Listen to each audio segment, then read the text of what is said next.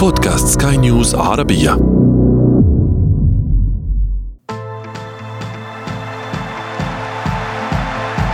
أثير الكرة. التصفيات المؤهلة لكأس العالم ما هي إلا رحلة؟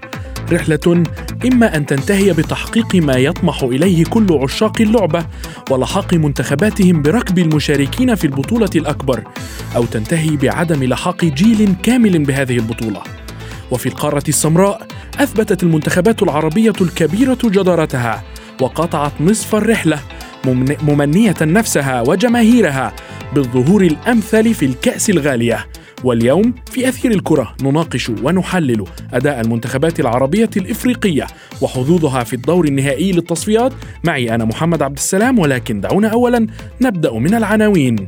عرب إفريقيا يطرقون أبواب مونديال 2022 قرعة دور النهائي للتصفيات المؤهلة لكأس العالم تنذر بمواجهة عربية خالصة. وفي فقرة ما لا تعرفونه عن كرة القدم نكشف لكم سر النجمة التي رفعها موراتا في وجه الجماهير أثناء تأهل الماتادور على حساب السويد. تغيير الكرة.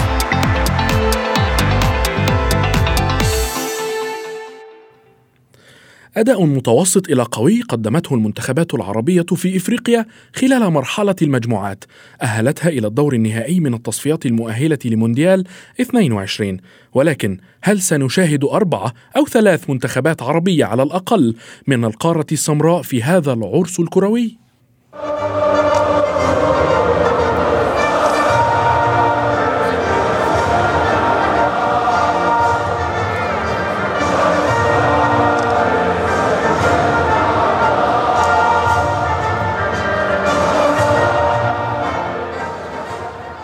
نرحب بالصحفي الرياضي يوسف الشاطر للحديث أكثر بشأن حظوظ هذه المنتخبات ومدى إمكانية وصولها إلى البطولة الحلم لكل منتخبات العالم. مرحبا يوسف. دعنا أولا نتحدث عن أداء المنتخبات العربية التي تأهلت إلى المرحلة النهائية الجزائر، المغرب، تونس ومصر. برأيك من المنتخب الذي أقنعك أكثر خلال الفترة الماضية؟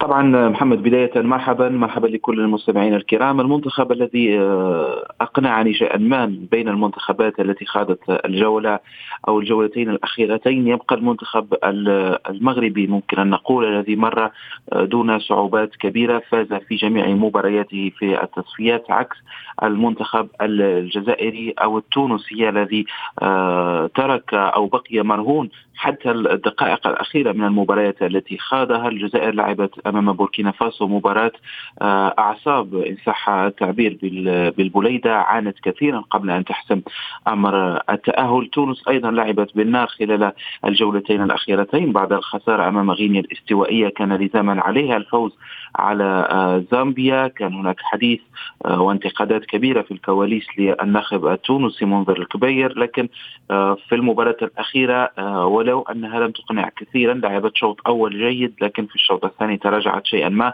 لكن في الأخير تأهلت. المنتخب المصري آه، تأهل آه، بطبيعة الحال بفضل النقطة التي آه، تحصل عليها أمام أنغولا والتعادل بهدفين لمثلهما خلال الجولة الأخيرة. نعم يوسف ولكن لكن أنت تحدثت على أن المنتخب المغربي بالأرقام وهو وهو ما اتضح.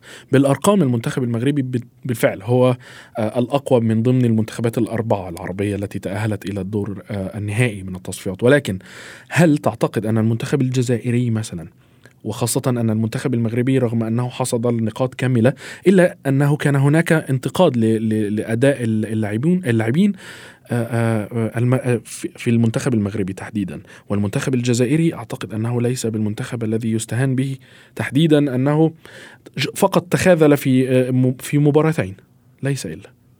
نعم ذلك ما قلت. أنا أتحدث عن الجولتين الأخيرتين من التصفيات آه، آه، طبعا وأنا أجيب على سؤالك محمد الأول. آه، إن تحدثنا بصفة عامة وعن التصفيات ككل عن السنة ككل أكيد أننا سنضع المنتخب الجزائري في المركز الأول. إن تحدثنا عن الحظوظ وعن الأداء عن الأسماء عن طريقة اللعب التجانس وعن المنتخب الذي بني لمدة ثلاث سنوات. لا يمكن أن نقارن المنتخبين معا لكن أنا نتحدث فقط عن الجولتين الأخيرتين. المنتخب المغربي تأهل مرتاح شيئا ما بينما عانت بعض المنتخبات في حسم بطاقة التأهل. هناك منتخبات تعيش فترة تغيير فترة فترة انتقالية كالمنتخب المصري الذي يتعرف على مدربه الجديد. هناك عمل وبناء منتخب جديد. المنتخب المغربي حتى هو في فترة انتقالية لأننا ما زلنا حتى الآن لا نعرف التشكيلة الأساسية ولم يجد وحيدة ليلوزيتش تشكيلة أساسية يخوض بها المباريات. بشكل ربما نهائي. تونس أيضا مع منذر الكبير هناك انتقادات وهناك لماذا أشرك هذا اللاعب؟ لماذا لم تتم المنادات على لاعب آخر؟ أكيد أن المنتخبات الثلاث في مرحلة ان صح التعبير انتقالية. بينما المنتخب الجزائري هو الذي يأتي من من مرحلة بناء طويلة منذ كأس إفريقيا توج بكأس إفريقيا لكنه في الجولتين الأخيرتين آه، شيئا ما آه، لعب بأعصاب الجماهير لأنه آه، ربما تعرض للضغط ربما الأجواء بصفة عامة لم تساعده خاصة عندما نتحدث عن أرضية الملعب السيئة أرضية ملعب مصطفى شاكر بالبليدة السيئة جدا التي انتقدها كثيرا جمال بالماضي لكن على العموم تبدو حظوظ المنتخبات العربية متوازنة لأن ليس هنالك منتخب قوي جدا عن عن باقي المنتخبات. نعم وهنا تحديدا آه، سأخذك إلى السؤال التالي، هل تتوقع أن تسفر القرعة عن مواجهة عربية عربية؟ طبعا آه، محمد هذا آه، موجود وربما سنكون بالتأكيد أمام مواجهة عربية. لن نسلم منها. نأمل تجنبها بالتأكيد نعم. نأمل تجنبها لكن آه، بنسبة كبيرة سيكون هناك مباراة آه، بين المنتخبات العربية خاصة قد نشهد الجزائر آه، مصر قد نشهد تونس مصر المغرب مصر. نتمنى كنا نتمنى أو نتمنى أن لا نشاهد مباراة من أجل رفع حظوظ المنتخبات العربية. أن تذهب جميعا للمونديال لكن في حال المواجهة سنضمن على الأقل منتخب لأن في هذه التصفيات هناك صعوبة كبيرة. هناك أفضلية شيئا. ما للمنتخبات المصنفة في المركز المراكز الخمسة الأولى على مستوى آه، تصنيف الفيفا؟ لأنها ستلعب مباريات الإياب على أرضها. مثلا المغرب سيلعب مباراة الإياب على أرضه. الجزائر آه، أيضا. تونس بينما مصر عليها أن, أن تأتي بالتأهل من الملك من, من, من القاهرة. نعم. بطبيعة الحال. يبدو لي ان أننا سنكون أمام مباراة عربية. صعب جدا أن القرعة ان لا تعطيك آه، المغرب. بالنسبة للمنتخب المصري أتحدث المغرب والجزائر وتونس يبقى لديك فقط منتخبين السنغال نعم. ونيجيريا. نعم. يوسف ابقى معي فاصل قصير. نتابع بعده موضوع الحلقة اليوم. تغيير الكرة.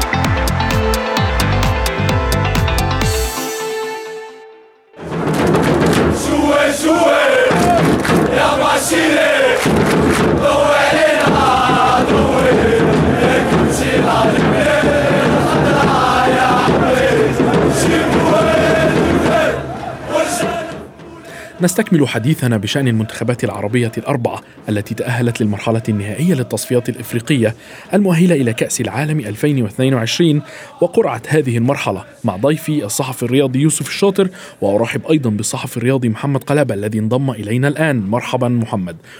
يوسف دعني أستكمل معك الحديث خاصة في النقطة التي تحدثت فيها عن حظوظ منتخبات التصنيف الأول أكبر من منتخبات التصنيف الثاني. ولكن ألا تعتقد أن منتخبات التصنيف الثاني أيضا منتخبات قوية؟ تتحدث عن الكاميرون تتحدث عن غانا تتحدث عن مصر تتحدث أيضا عن مالي المنتخب الذي يعد الآن من المنتخبات القوية في القارة السمراء.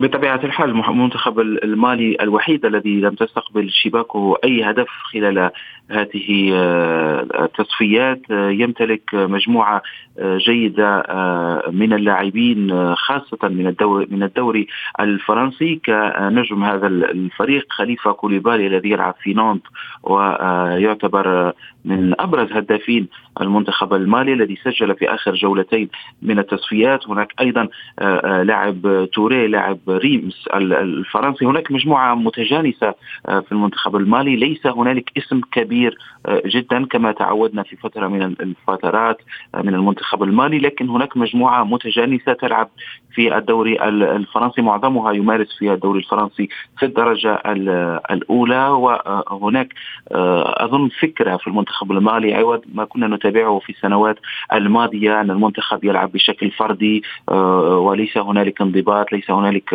طريقة لعب واضحة. الآن مالي تغيرت كثيرا. أتذكر مالي واجه المنتخب المغربي في تصفيات كأس العالم الماضية وكان المنتخب المغربي فاز عليها بالرباط بستة أهداف نظيفة. تغير كثيرا هذا المنتخب بين الذي يخسر بستة أهداف وبين من يفوز بالتصفيات دون أن يستقبل أي أي هدف في هذه التصفيات. الكاميرون بالنسبة لي من المفاجآت لأن إقصاء المنتخب الإيفواري من كأس العالم يبدو أنه بمثابة المفاجأة لأن الكاميرون تمت أو الكوت ديفوار عفوا تمتلك جيل آه، جيد من اللاعبين على رأسهم سيباستيان هالر لاعب أجاكس أمستردام الذي يتألق في دوري الأبطال هذا الموسم. لكن المنتخب الكاميروني في ياوندي نجح آه، بتسجيل هدف واحد في الدقيقة الحادية والعشرين من توكو إيكامبي ودافع عليه باستماتة كبيرة رغم أن المنتخب الإيفواري نزل بثقله على آه، المنتخب الكاميروني في هذه المباراة نعم. الكاميرون آه، جيدة هناك مالي كما تفضلت محمد أيضا المنتخب الغاني آه، رغم أنه يفتقد للنجوم ممكن أن نقول أن جيل الأخوان أو الأخوين آيو شاخة لكنه ما زال يلعب. تابعت جزء من مباراة جنوب أفريقيا. كان هناك لغط كبير حول ركلة الجزاء التي منحها الحكم للمنتخب الغاني نعم. المباراة. ويبدو أن المنتخبات محمد كل المنتخبات قوية، الأفضلية البسيطة التي ممكن أن نذكرها هي أن مباراة الإياب ستلعب على أرضك ونعرف في القارة السمراء أن آه، لعبة الكواليس وأن المنتخبات التي تستضيف دائما تستفيد. الإياب تكون لها الأفضلية، نعم نعم. محمد دعني أنتقل بالحديث عن منتخب مصر تحديدا في هذه النقطة. منتخب مصر هناك علامات استفهام لا تنتهي عن عن أداء المنتخب الذي لم لم يقنع المتابعين منذ البداية، منذ بداية التصفيات حتى وليس الآن فقط. تم تغيير المدرب، تم تغيير الإدارة الفنية بالكامل، ولكن مع ذلك لا لم نرى المنتخب المصري بالشكل المطلوب. لماذا؟ آه، أعتقد إنه آه، مسألة تغيير المدرب دي كفيلة إن هو ده يكون رد على على السؤال لأنه مش من السهل ابدا إن أنت تغير مدرب في وسط الموسم تقريبا بالنسبة للمنتخب أو في آه، وسط التصفيات.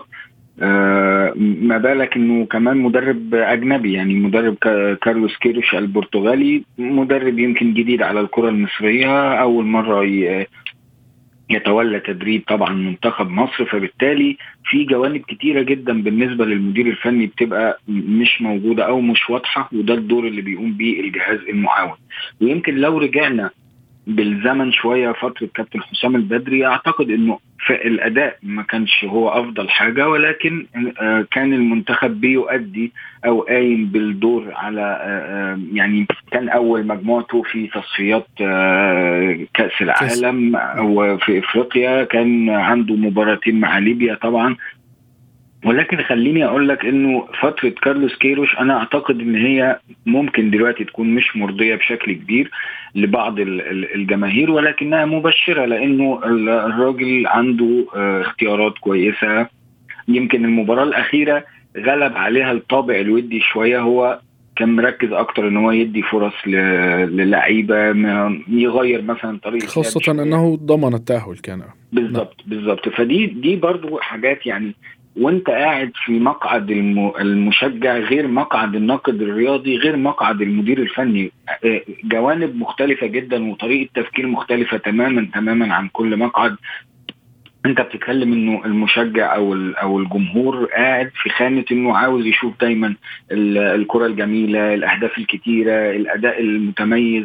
ولكن في جوانب كتيرة جدا جدا ممكن تبقى خافية على المشجع وبالتالي الناقد الرياضي ممكن يبقى واصل له جزء وبالتالي في أجزاء تانية خافيه المدير الفني هو أكتر واحد أو الجهاز الفني بالأحرى هو أكتر آه، آه، ناحية أو أكتر جزء هو مركز فيه. يعني إحنا شفنا كمان إنه المدير الفني كارلوس كيروش بعد المباراة طلع انتقد أرضية ملعب استاد برج العرب.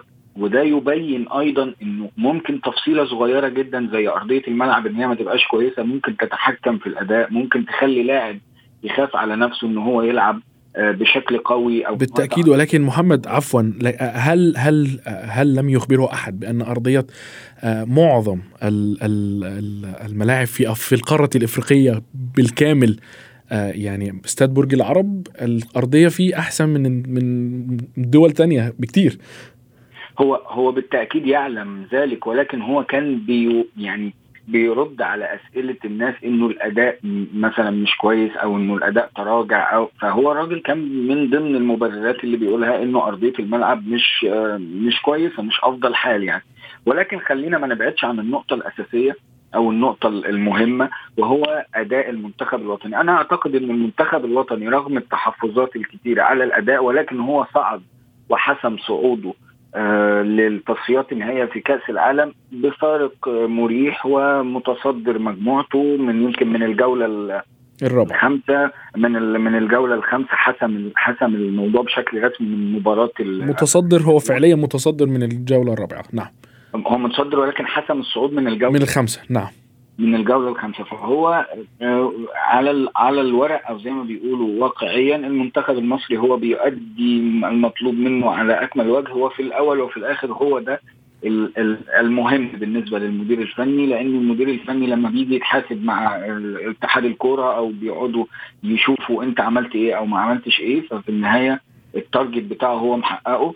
أعتقد إن الفترة اللي جاية بطولة كأس العرب اللي ستقام في قطر آه، أواخر نوفمبر الجاري حتى منتصف آه، ديسمبر أعتقد إن دي هتبقى فرصة كويسة جدا. احتكاك قوي للمنتخب المصري والمنتخبات العربية بشكل عام. هيكون في منافسة يعني مدارس مختلفة. طبعا أنت عارف منتخبات إفريقيا مع منتخبات آسيا الاحتكاك ما بيبقاش كبير قوي بيبقى نعم. احتكاك ودي فقط ولكن دي هتبقى فرصة كبيرة إن هو يجرب كمان عدد من اللعيبة. شفنا من النقاط الإيجابية في مباراة آه، الجابون مشاركة آه، مدافع البنك الأهلي مدافع شاب لما ينزل في مباراة رسمية دولية آه، بنشوف إن حمدي فتشي كمان نعم لم نتعود على ذلك في المنتخب المصري سابقا بالضبط أو يعني كان كان زمان كابتن حسن شحاتة بيعملها مع المنتخب الوطني ولكن كانت على استحياء وكان بعد فترة كبيرة جدا بعد ما مسك المنتخب فترة بالتأكيد. ولكن لما بنلاقي كيروش لسه ثلاث أربع ماتشات مع المنتخب وبياخد قرارات زي دي لا اذا هو عنده رؤية نعم. وعنده وعنده قرارات وعنده اسكاديول آه، آه، هو ماشي بيه أو جدول هو ماشي بيه محدد أهدافه ولكن يتبقى طبعا الظروف آه، إن اللعيبة تبقى في حالتها. كمان يا كمان يا محمد إحنا بنشوف مهام جديدة جدا لمحمد صلاح مع منتخب مصر بخلاف دوره مع مع ليفربول. نعم. إحنا بنشوفه في ليفربول هو جناح آه بيروح على الجون أكتر. الفرقة كلها بتخدم عليه. إحنا بنشوف دلوقتي محمد صلاح آه هو زي ما بيقولوا mister assist المنتخب الوطني. نعم. في آخر ثلاث م... في آخر مباراتين أو آخر ثلاث مباريات عمل ثلاثة assist. محمد دعني دعني سأعود لك مرة أخرى خاصة فيما يخص التصنيف وقوع مصر في التصنيف الثاني ولكن الآن يوسف المنتخب الجزائري آه عفوا المنتخب التونسي لم يختلف كثيرا وضعه عن وضع المنتخب الجزائري الشقيق ولكن هل أيضا آآ آآ آآ المنتخب التونسي يملك عناصر الآن كبيرة أسماء وأسماء كبيرة ولكن لماذا وقع التونسيون في هذا المأزق خلال الجولتين الأخيرتين؟ هناك تذبذب كبير في الأداء آه، محمد بالنسبة للمنتخب التونسي. هامش الاختيارات آه، آه، عندما نتحدث عن نجوم الصف الأول هو غير موجود أمام المدرب منذر الكبير تونس. لا تمتلك الزاد البشري الذي يمتلكه المنتخب الجزائري أو حتى المنتخب المغربي أو حتى المنتخب المصري. عندما نتحدث عن الأسماء الأسماء التي يمتلكها المنتخب التونسي ربما نتحدث عن أفضل لاعب في المنتخب التونسي خلال السنوات الأخيرة هو وهبي الخزري الذي يلعب في سانتيتيان الفرنسي. بخلاف وهبي الخزري معظم الأسماء تلعب في مستوى تنافسي شيئا ما أقل. آه، ياسين مريح آه، قائد دفاع المنتخب يلعب يحترف بالإمارات. نعيم السليتي آه، يلعب في الدوري السعودي. علي معلول في الدوري المصري. هناك تراجع شيئا ما على مستوى الأسماء التي كانت تمثل تونس في فترة من الفترات التي تلعب في مختلف الدوريات الأوروبية. لذلك نعم. منظر الكبير الكبير يحاول الاعتماد على المجموعة وليس على الأسماء. هناك عمل كبير يقوم بها الناخب التونسي رغم الانتقادات التي توجه له حتى قبل مباراة زامبيا. الكل شكك في مدى قدرة هذا المدرب الذي يجب أن نتفق أنه لا يمتلك خبرة كبيرة لم يسبق له أن أشرف على أندية كبيرة ولم يكن له تجارب ناجحة مع الأندية التي دربها أشرف على النجم الساحلي على النادي البنزرتي في فترة من الفترات لكن لم يفوز بألقاب لم يترك صدى كبير عند الجمهور. لذلك عندما عند أي تعثر أول من ينتقد هو منذر الكبير. وأظن أن المنتخب التونسي مرشح لتغيير المدرب عندما آه، تنتهي التصفيات أو ربما في حال وجود نتيجة سيئة في كأس أمم إفريقيا المقبل. نعم نعم. محمد آه، سريعا أعود لك ب... ب... عن وقوع المنتخب المصري في التصنيف الثاني. أص... آه، هذا هذا أثار غضب كثير من الجمهور المصري ووجه أصابع الاتهام إلى مدير الفراعنة السابق الكابتن حسام البدري. هل فعلا هو السبب أم أن هناك مشكلة أخرى؟ سريعا من فضلك. سريعا يا محمد. كابتن حسام البدري لا يتحمل هذه الأزمة وحيدا لأنه الفترة اللي كان كابتن حسام البدري ماسك فيها كان عاوز يلعب ماتشات ودية وعاوز يعمل أجندة دولية زي زي بقية المنتخبات ولكن كان بيتعارض مع إقامة أو مع الأجندة الدوري المصري فبالتالي لو نعم. كان واجنده النادي الأهلي أيضا هناك من يقول أن النادي الأهلي له يد في فيما حدث للمنتخب المصري لا هو هو الفكرة الفكرة يا محمد إنه أنت في الوقت اللي كان كابتن حسام البدري محتاج إنه يعمل فيه معسكر أو نعم. مباريات ودية كان بيتعارض مع مشاركة الأهلي في إفريقيا ومع بطولة الدوري العام نعم. هي الأخيرة اذا هنا كان هيتعارض الموضوع تسويقيا وكان معرض بطولة الدوري نعم. وبالتالي تكبد آه، آه، آه، خسائر مالية كبيرة جدا. محمد. يمكن أشكرك ولكن لضيق الوقت نتمنى نتمنى أن أن لا يقع أحد المنتخبات العربية أمام الآخر في القرعه القادمة. شكرا جزيلا لك كنت معي من القاهرة الصحفي الرياضي محمد قلابة وأيضا من المغرب الصحفي الرياضي يوسف الشاطر.